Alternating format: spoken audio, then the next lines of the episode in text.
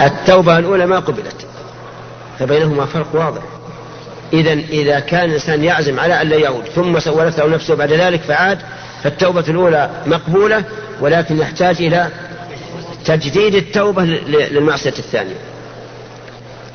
الشرط الخامس وهو أعظم الشروط. أن تكون التوبة في حال تقبل فيها التوبة. أن تكون التوبة في حال تقبل فيه التوبة. فإن كانت بعد فوات الأوان فلم تقبل. الشرط الخامس قلنا الأخ.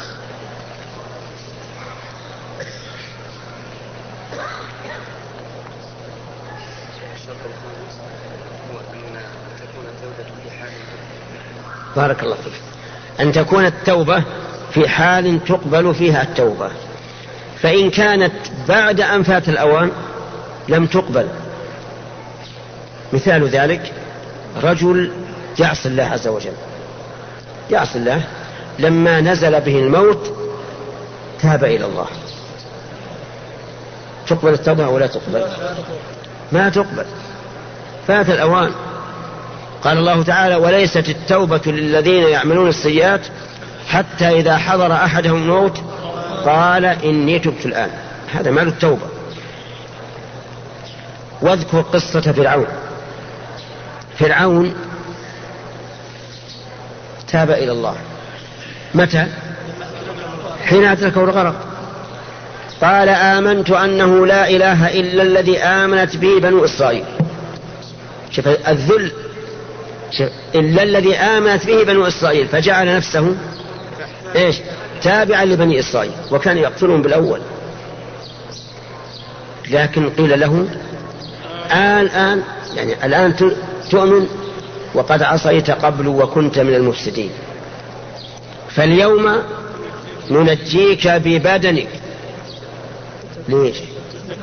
لتكون لمن خلفك من بني إسرائيل آية. لأن يا إخواننا بنو إسرائيل قد أرعبهم فرعون. فأغرق هو وقومه. وتعرف أن الرجل إذا كان له عدو جبار لا تطمئن نفسه إلا إذا شاهد عدوه قد هلك. أليس كذلك؟ لأنه سيقع في قلوب بني إسرائيل أن الرجل نجا بأي وسيلة. لكن الله عز وجل برحمته ببني إسرائيل أظهر جسمه. طافيا على الماء. حتى شاهده بنو إسرائيل واطمأنوا ثم ماذا بعد ذلك؟ أين ذهب؟ هكذته الحيتان. بلا شك. لأن بني إسرائيل لا يمكن بأي حال من الأحوال أن يأخذوا جثة فرعون لتكون علما أثريا. أبدا. ولهذا دعوى أن فرعون هو الذي في أهرام مصر ما هو صحيح ليس صحيحا. وغير مقبولة. لأنه لا يدل على, على أنه هو لا أثر ولا نظر. لا في تاريخ ولا والنظر أيضا لا يقبل هذا. أتظنون أن بني إسرائيل يشاهدون عدوهم ويأخذون تحفة في الأثريات؟ أبدا. لو رأوه وتمكنوا منه لقطعوه إربا إربا أو أحرقوه بالنار. على كل حال فرعون آمن حين رأى الموت ولم ينفعه إيمانه فلا يقبل منه. الثانيا الشمس الآن من أين تشرق؟ تشرق من المشرق. إذا جاء ما يريد الله تعالى أن تغرب فيه من أن تشرق فيه من المغرب طلعت من المغرب. إذا خرجت من المغرب آمن كل الناس حتى أكفر عباد الله يؤمنون. لكن ينفعهم؟ لا ينفعهم قال الله تعالى يوم يأتي بعض آيات ربك لا ينفع نفسا إيمانها. لم تكن آمنت من قبل أو كسبت في إيمانها خيرا. وقال النبي صلى الله عليه وعلى آله وسلم لا تنقطع التوبة حتى تنقطع الهجرة. ولا تنقطع الهجرة حتى تطلع الشمس. لا لا لا تنقطع الهجرة حتى تنقطع التوبة ولا تنقطع التوبة حتى تطلع الشمس من مغربها. انتبه لهذه الشروط يا أخ. قبل أن يفجأك الموت وأنت لم تتب. اللهم تب علينا اللهم تب علينا. اللهم تب علينا. اللهم إنا تائبون فتب علينا. إنك على كل شيء قدير. وإلى الأسئلة الآن لأن الإخوة أشاروا بأنه انتهى الوقت.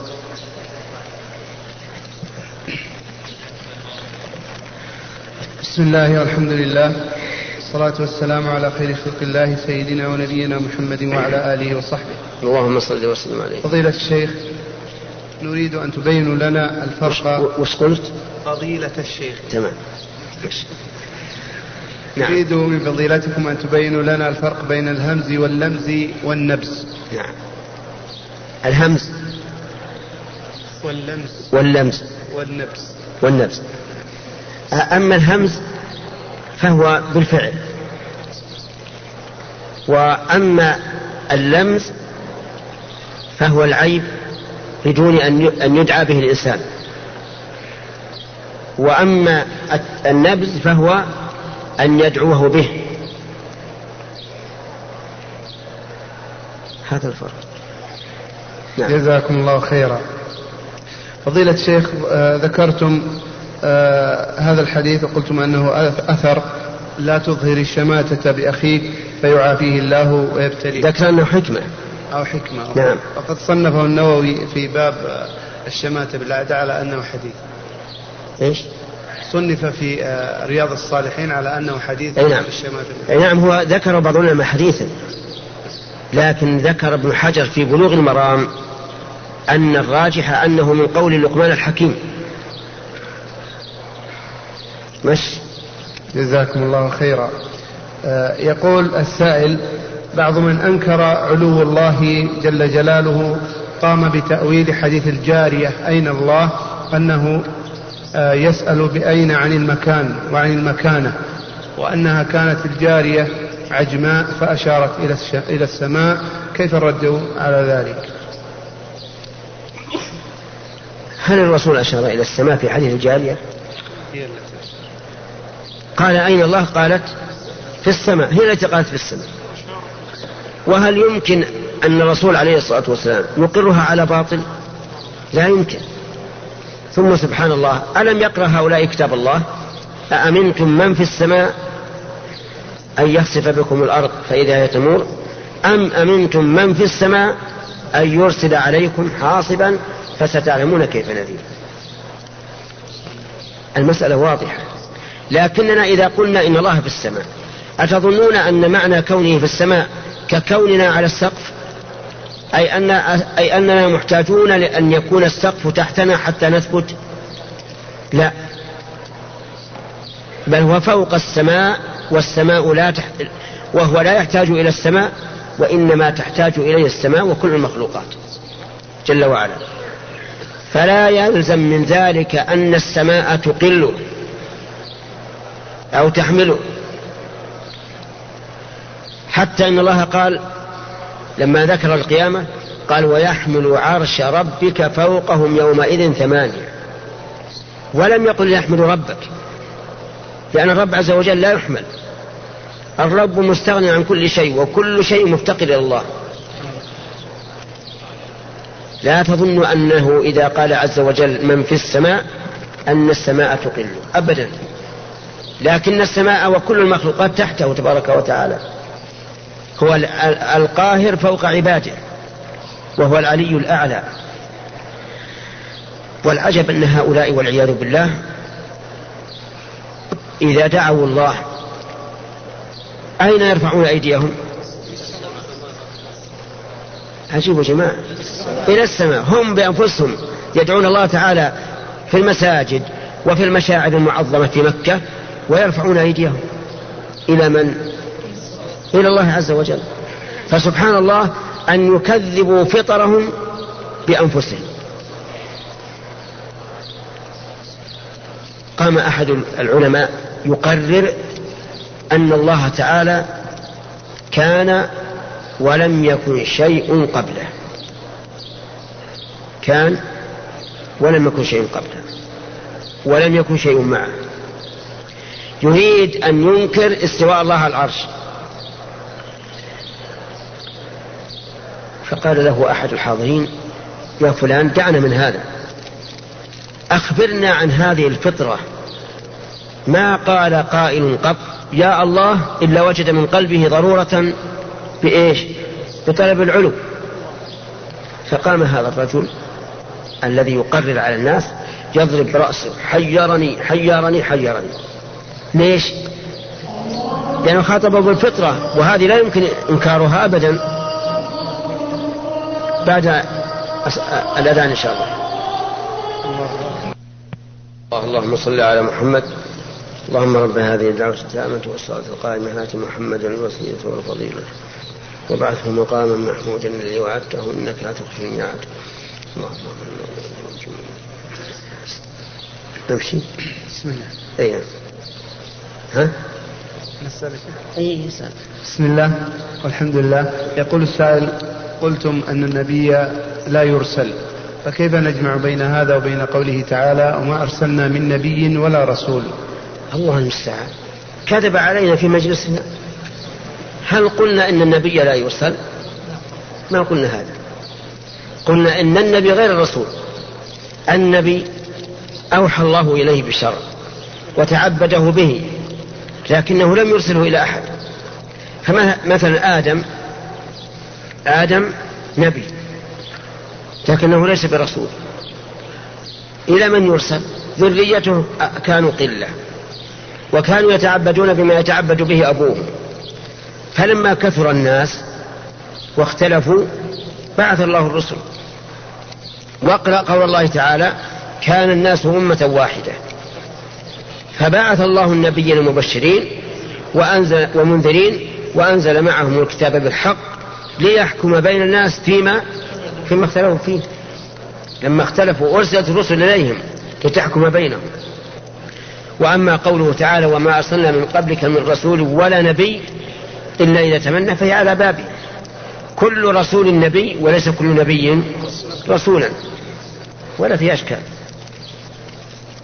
جزاكم الله خيرا. آه هذا السائل يقول فضيلة الشيخ هل تصح التوبة عن بعض الذنوب دون بعض؟ نعم. تصح التوبة من بعض الذنوب دون بعض. فلو فرضنا أن رجلا يغتاب الناس ويأكل أموالهم فتاب من الغيبة ولم يتب من أكل الأموال صحت توبته من الغيبة وبقيت التوبة عليه لأخذ الأموال. وبالعكس. نعم. جزاكم الله خيرا. وهذا ولكن لاحظوا أن وصف. التائب لا يصدق على هذا الرجل. يعني بمعنى لا لا تقول إنه من التائبين هكذا بل قيد. قل من التائبين عن المعصية المعينة إذا كان مصرا على معصية أخرى. أما إذا كان يعني قد حسنت حاله وكل ما يعمل يعلمه من الذنوب تاب منه فهذا يصح أن يقال إنه من التوابين. نعم. جزاكم الله خيرا. وهذا آخر يقول إذا أذنب العبد ذنبا وأراد أن يتوب من الذنب فهل عليه أن يتوضأ ويصلي ركعتين ويستغفر الله ويتوب أم يستغفر الله ويتوب بالقول فقط؟ يكفي لو يكفي الثاني كان أن يتوب من الذنب دون أن يصلي ولكن إن توضأ وصلى ركعتين فهذا من أسباب قبول التوبة ومن أسباب المغفرة. لحديث لحديث عثمان بن عفان رضي الله عنه أنه توضأ ثم قال رأيت النبي صلى الله عليه وعلى آله وسلم توضأ مثل وضوء هذا ثم قال من توضأ نحو وضوء هذا ثم صلى ركعتين لا يحدث فيهما نفسه غفر الله له ما تقدم من ذنبه. جزاكم الله خيرا. آه هذا السائل ما أدري أقرأه على عجري وبجري أقرأه على عجري وبجري يقول ولكن لا تلحن. نعم. استوجب اللحن يا شيخ الصفة يقول عندي علاقة بالبنك وهذا ضروري. إيش؟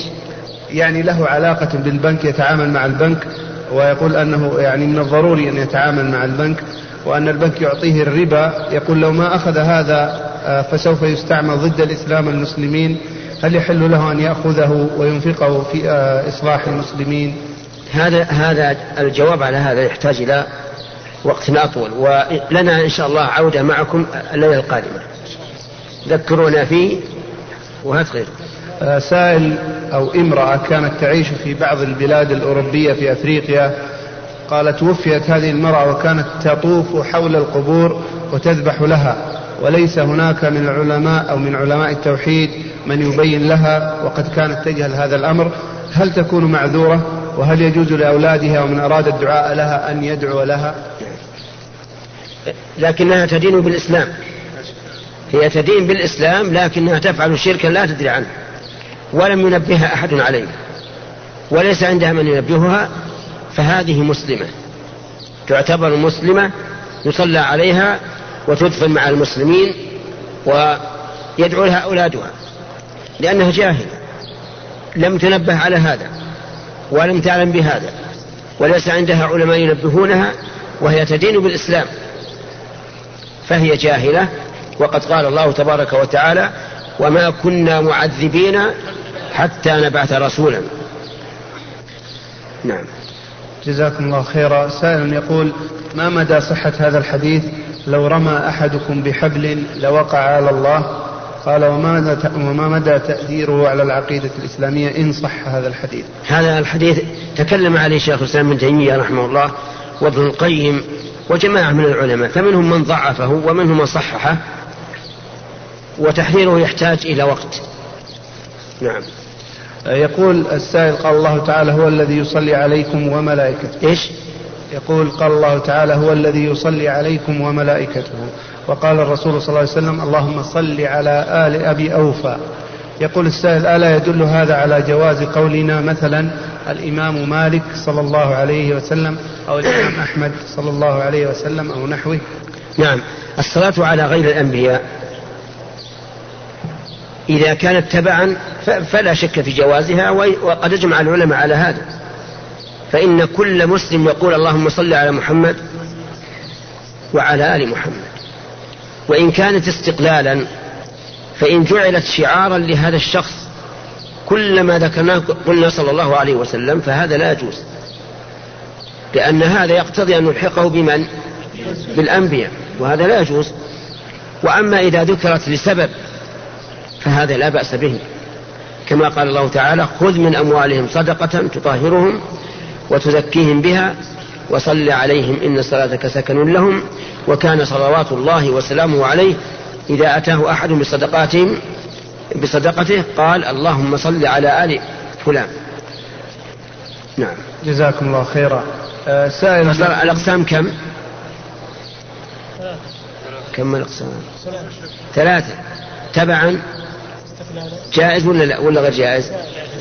استقلالا على أنه شعار لهذا. هذا لا يجوز. استقلالا لسبب يقتضيه؟ هذا جائز. نعم.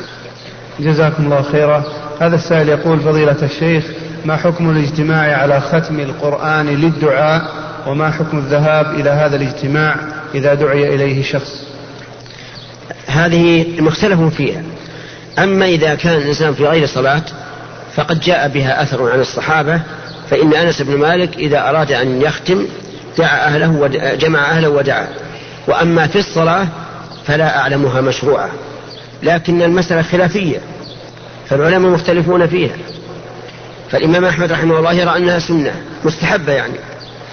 وإذا كان إمامك يرى هذا وأنت تصلي خلفه فتابعه ولا حرج عليك. نعم. جزاكم الله خيرا. آه، آه، فضيلة الشيخ يقول السائل قال الرسول صلى الله عليه وسلم ما خلا رجل بامرأة إلا كان الشيطان ثالثهم يقول هل يعتبر ركوب المرأة في السيارة لوحدها مع السائق خلوة؟ وهل يسمع وهل يسمح للمرأة الكبيرة بذلك؟ وهل توجد ضرورة؟ وما مقدار هذه الضرورة؟ لأن العامة يقولون هذه ليست خلوة وخصوصا في المدن. هذه أربعة أسئلة. كلها تبع آه، ركوب المرأة مع السائق وحدها خلوة وخلوة شديدة لأن الشيطان إذا كان ثالثهما جعل في أدمغتهما كل شر.